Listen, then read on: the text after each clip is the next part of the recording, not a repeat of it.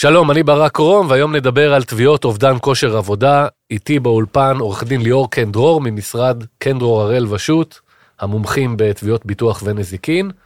בוקר טוב ליאור. היי, בוקר טוב ברק. בוא נדבר באופן כללי קודם כל על אובדן כושר עבודה, לא הרבה אנשים קוראים עד הסוף את הפוליסה, וגם ככה ההגדרה המשפטית די סבוכה, אז אם אתה יכול להסביר לנו. פוליסות בכלל, וגם אה, בדגש פוליסות אובדן כושר עבודה, זה בדרך כלל, אה, לא אגזים אם אומר, עשרות עמודים.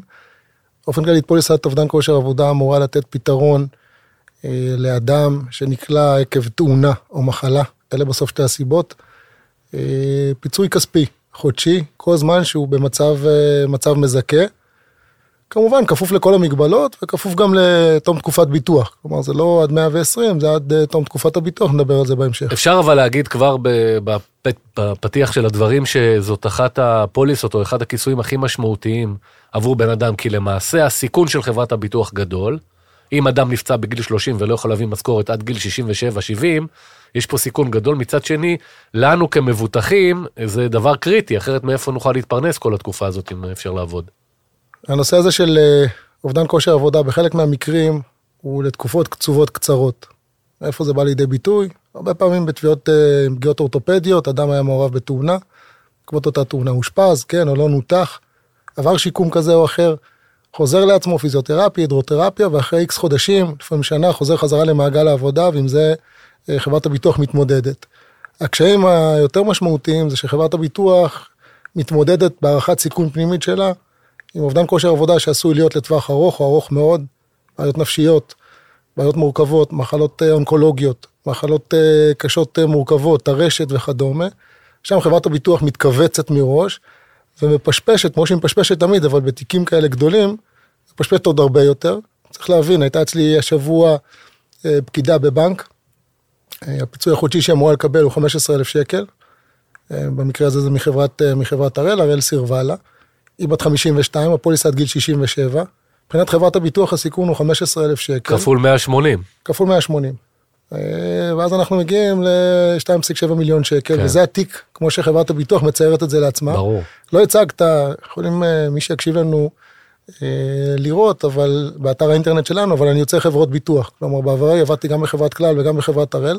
כשאני אומר, כך חברת הביטוח עושה את הערכת הסיכון, אני לא אומר כי אני חושב שכך היא עושה את לא, הערכת הסיכון. לא, אתה יודע, אתה מכיר את הדברים. אלא ככה, חברת הביטוח מעריכה את הסיכון, יושבים שם רופאים, יושבים שם אנשי תביעות, יושבים שם עורכי דין, עושים הערכת סיכון לתיק, לקצר ולארוך, ולפי זה גם מחליטים אה, איך הם מתנהלים, אה, ולפעמים עד כמה הם מקשים בנושא של אישור מראש, אפריורי של התשלום, כי הם מבינים את המשמעות הלאה להמשך. תכף נדבר על הסעיפים הקטנים ומה קורה שם מאחורי הקלעים, אבל אה, מניסיוני בעבר כסוכן ביטוח, אני זוכר שאחת ההגדרות הראשונות הייתה אם הוא לא יכול לעבוד, הכשרתו, השכלתו, ניסיונו וכל הדבר הזה.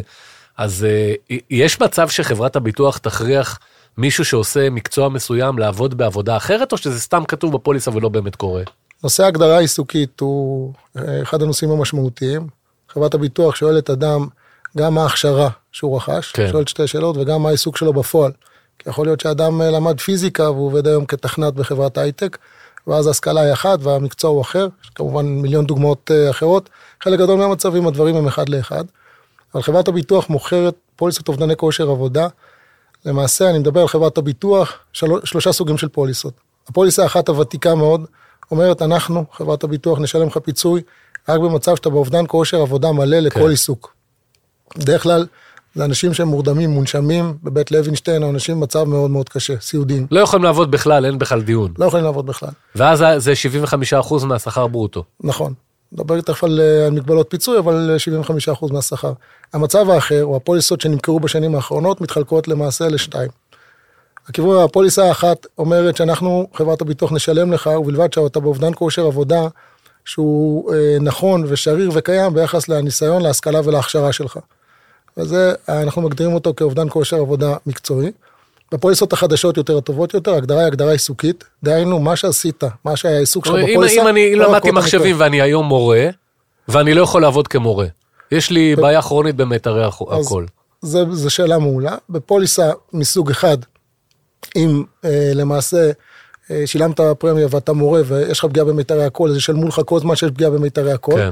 בפוליסה, אם קנית את הפוליסה הזולה יותר מהסוג השני, יגידו, רגע, אתה לא יכול להשתמש במיתרי הקול, אבל אתה יכול אה, לעבוד וללמד באמצעות לומדת מחשב, אתה יכול להפעיל מחשב, אתה יכול לעשות דברים אחרים שלא מצריכים את מיתרי הקול, וכן, שם באותה מידה, באותו מקרה לא ישלמו לך פיצוי ויצפו שתעשה משהו שהוא מתאים לניסיון אה, זה לא שהם יסדרו לי משהו במקום, אלא לא. הם מצפים שאני אמצא עבודה. חברת ביטוח היא לא חברת השמה, חברת ביטוח לא משלם את הפוליסה, לא פוליסה שאמורה לכסות מקרה אבטלה. אנשים שואלים אותי הרבה מאוד בתיקים, רגע, אבל אני היום בן 50 ומשהו, מי, מי ייקח אותי לעבוד? כן.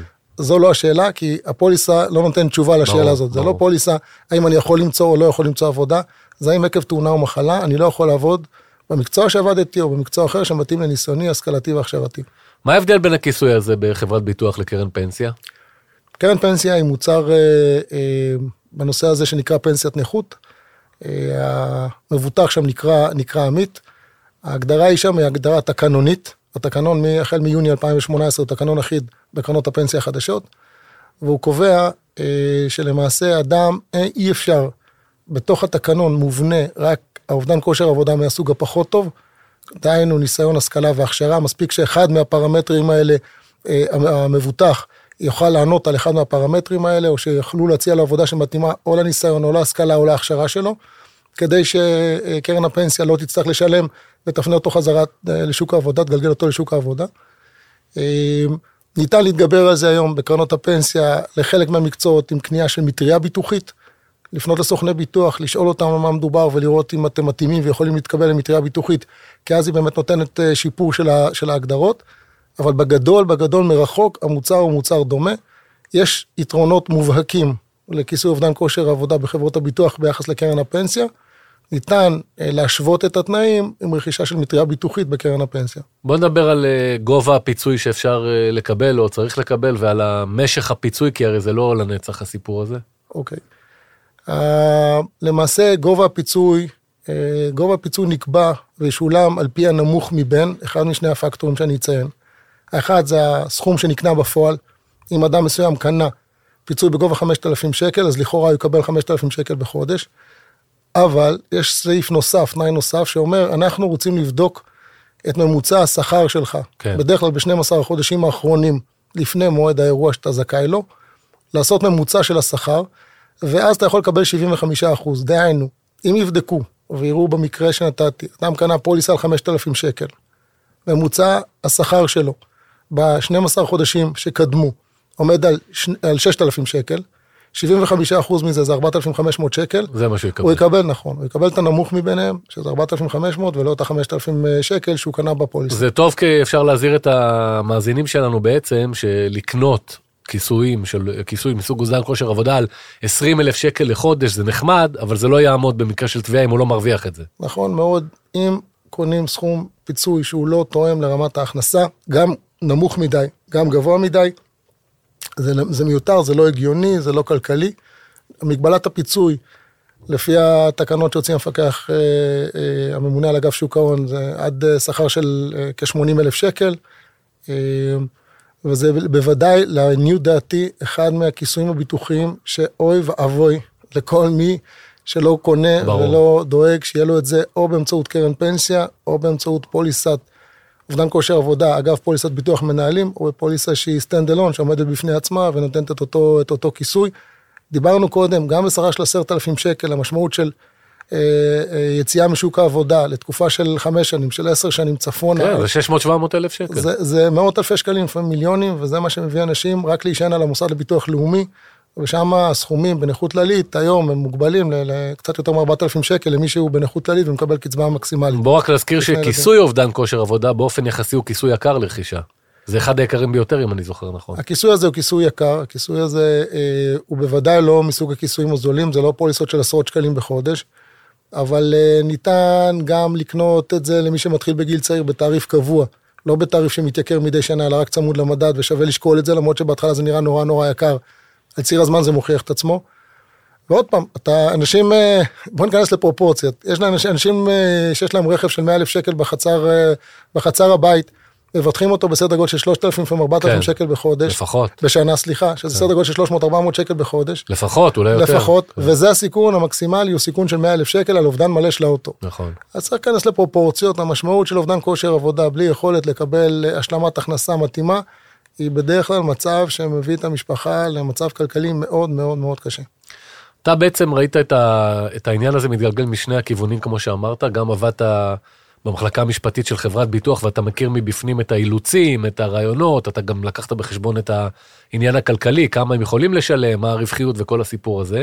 מהצד השני, במשרד קנדרו הראל אתם מתעסקים הרבה עם לקוחות שטובים את חברות הביטוח ונדחים. אה, אתה יכול לתת לי מפה של הסיבות העיקריות המרכזיות שחברת ביטוח דוחה את הפוליסות או על הסף או מתעקשת לא לשלם? כן, פוליסת אובדן כושר עבודה היא פוליסה שהיא לא חד-חד ערכית, ואני אסביר. מצב שבו אדם קנה פוליסה למקרה פטירה, ואותו אדם הלך לבית עולמו, ויש תעודת פטירה והכל כשר ותקין ו- ו- וחוקי, אז חברת הביטוח צריכה לשלם, כי ברור מאוד המצב הביטוחי וברור מאוד מקרה הביטוח. בנושא של אובדן כושר עבודה, אה, הנושא הזה בחלק גדול מאוד מהמקרים נתון לפרשנות ולתפיסת עולם של רופא מסוים.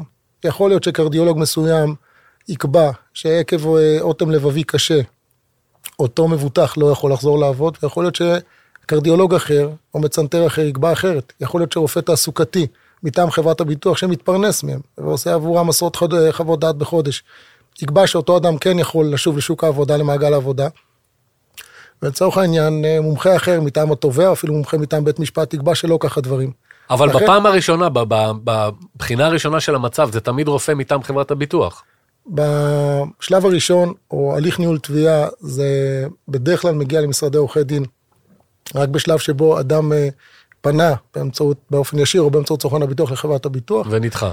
ונדחה. ככל שחברת הביטוח שילמה לו, אנחנו בדרך כלל לא מגיע ולא כן. צריך עורך דין. חלק אחר מהמקרים הם נדחים, או בהתחלה או בשלבים אה, בהמשך. אחרי תקופה מסוימת חברת הביטוח במרכאות מתעייפת מלהמשיך ולשלם.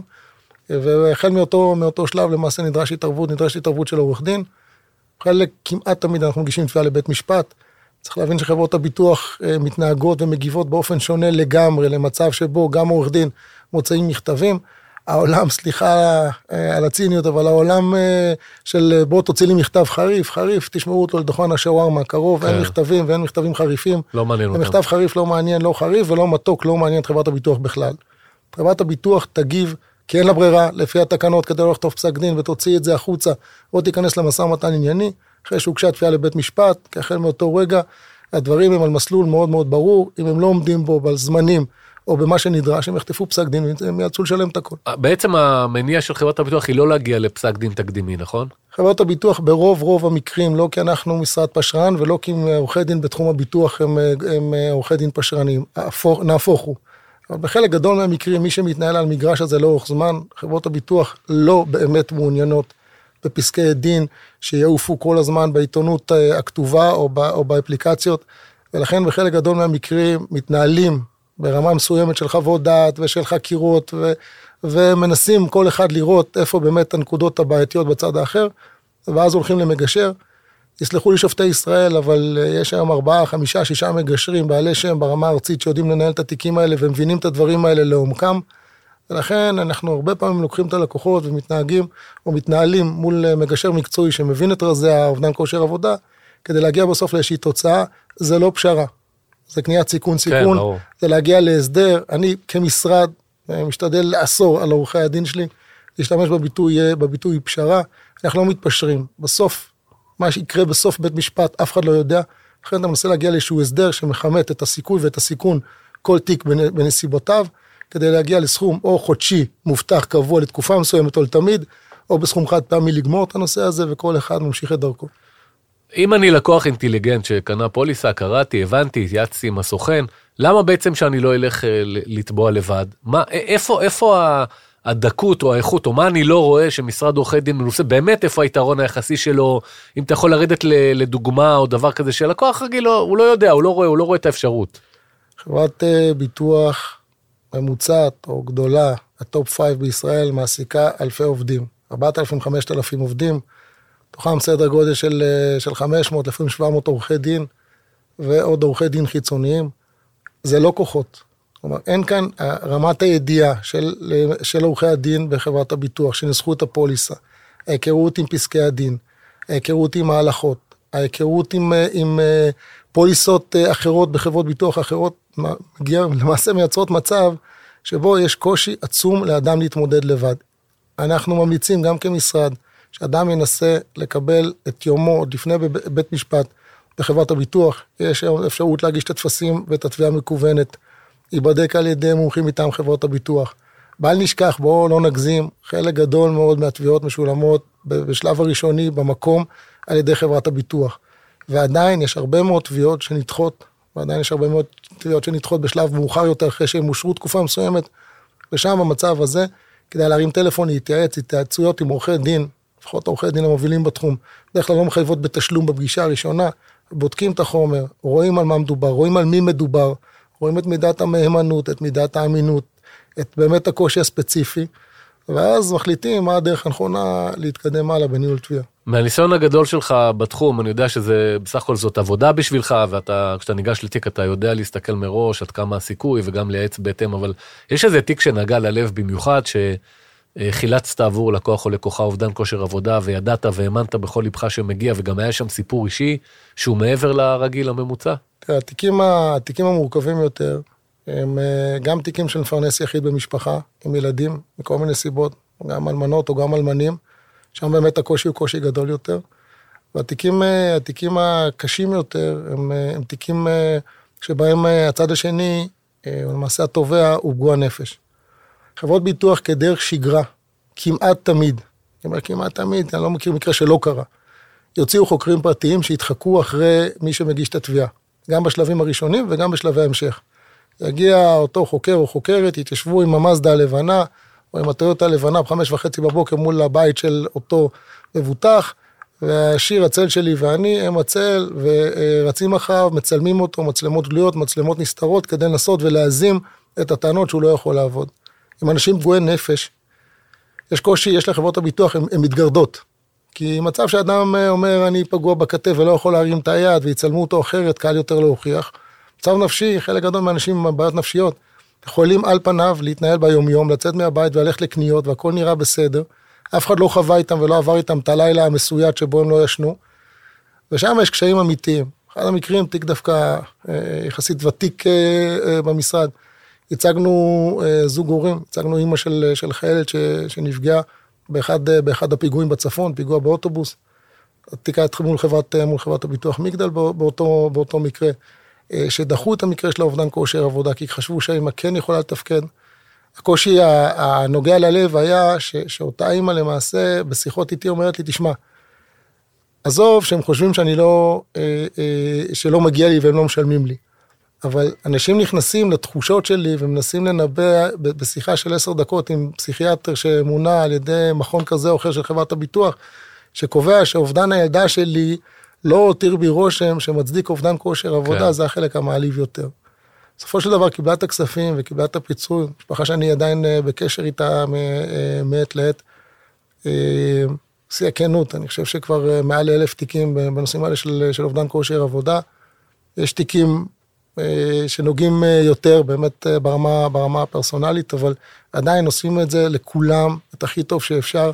בין אם זה מחלה, בין אם זה תאונה, אנשים חולים במחלות קשות, במחלות נוראיות, מתמודדים, אנשים עם בעיות אונקולוגיות, אנשים שאתה מטפל בהם ובמהלך הדרך הם, הם הולכים לעולמם, אז למעשה אתה מתקן את התביעה וזה הופך להיות עיזבון המנוח או עיזבון המנוחה, וזה מצריך דיליי של, של מספר חודשים, ואז חוזרים חזרה כדי להביא ל, ליורשים את, את הכספים שמגיעים להם.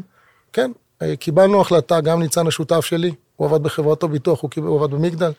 עבדתי גם בהראל וגם בכלל. קיבלנו החלטה מושכלת עד היום, שאנחנו לא נייצג אף חברת ביטוח, למרות שהיה לנו קל מאוד, ואנחנו יכולים כנראה מחר בבוקר להתחיל לייצג חברות ביטוח. כן.